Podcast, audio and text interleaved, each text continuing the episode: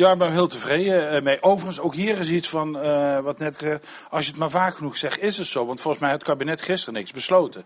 Het kabinet heeft vandaag wat besloten en er is een advies uitgelekt. Wat ontzettend dodelijk is in deze virus. Naast het virus zelfs dat voortdurende lekken van de OMT-adviezen. Dat is echt killing voor het uh, draagvlak. Wie doet dat dan? Dat, uh, dat, moet, dat, weet ik niet. Dat weet ik niet. Ik doe het in ieder geval niet, kan ik u het zeggen. Lijkt dat kan alsof we iedere keer worden ingemasseerd. Ja, maar gisteren gebeurde het dus weer. En vandaag komt het besluit. En het blijkt men alles gewogen hebben. En ik denk dat ze eerlijk zeggen ook niet anders konden. Want als je het vorig jaar hebt besloten en het aantal besmettingen is nog vele malen hoger dan, dan vorig jaar. Ja, dat zou echt een modderfiguur zijn geweest. Ze zeggen, laten we maar lekker met z'n allen samen drommen rond, oude opnieuw. Want daar gaat het om. Het gaat niet zozeer om het vuurwerk. Maar dat mensengroepen bij elkaar komen, wat daaruit voorkomt.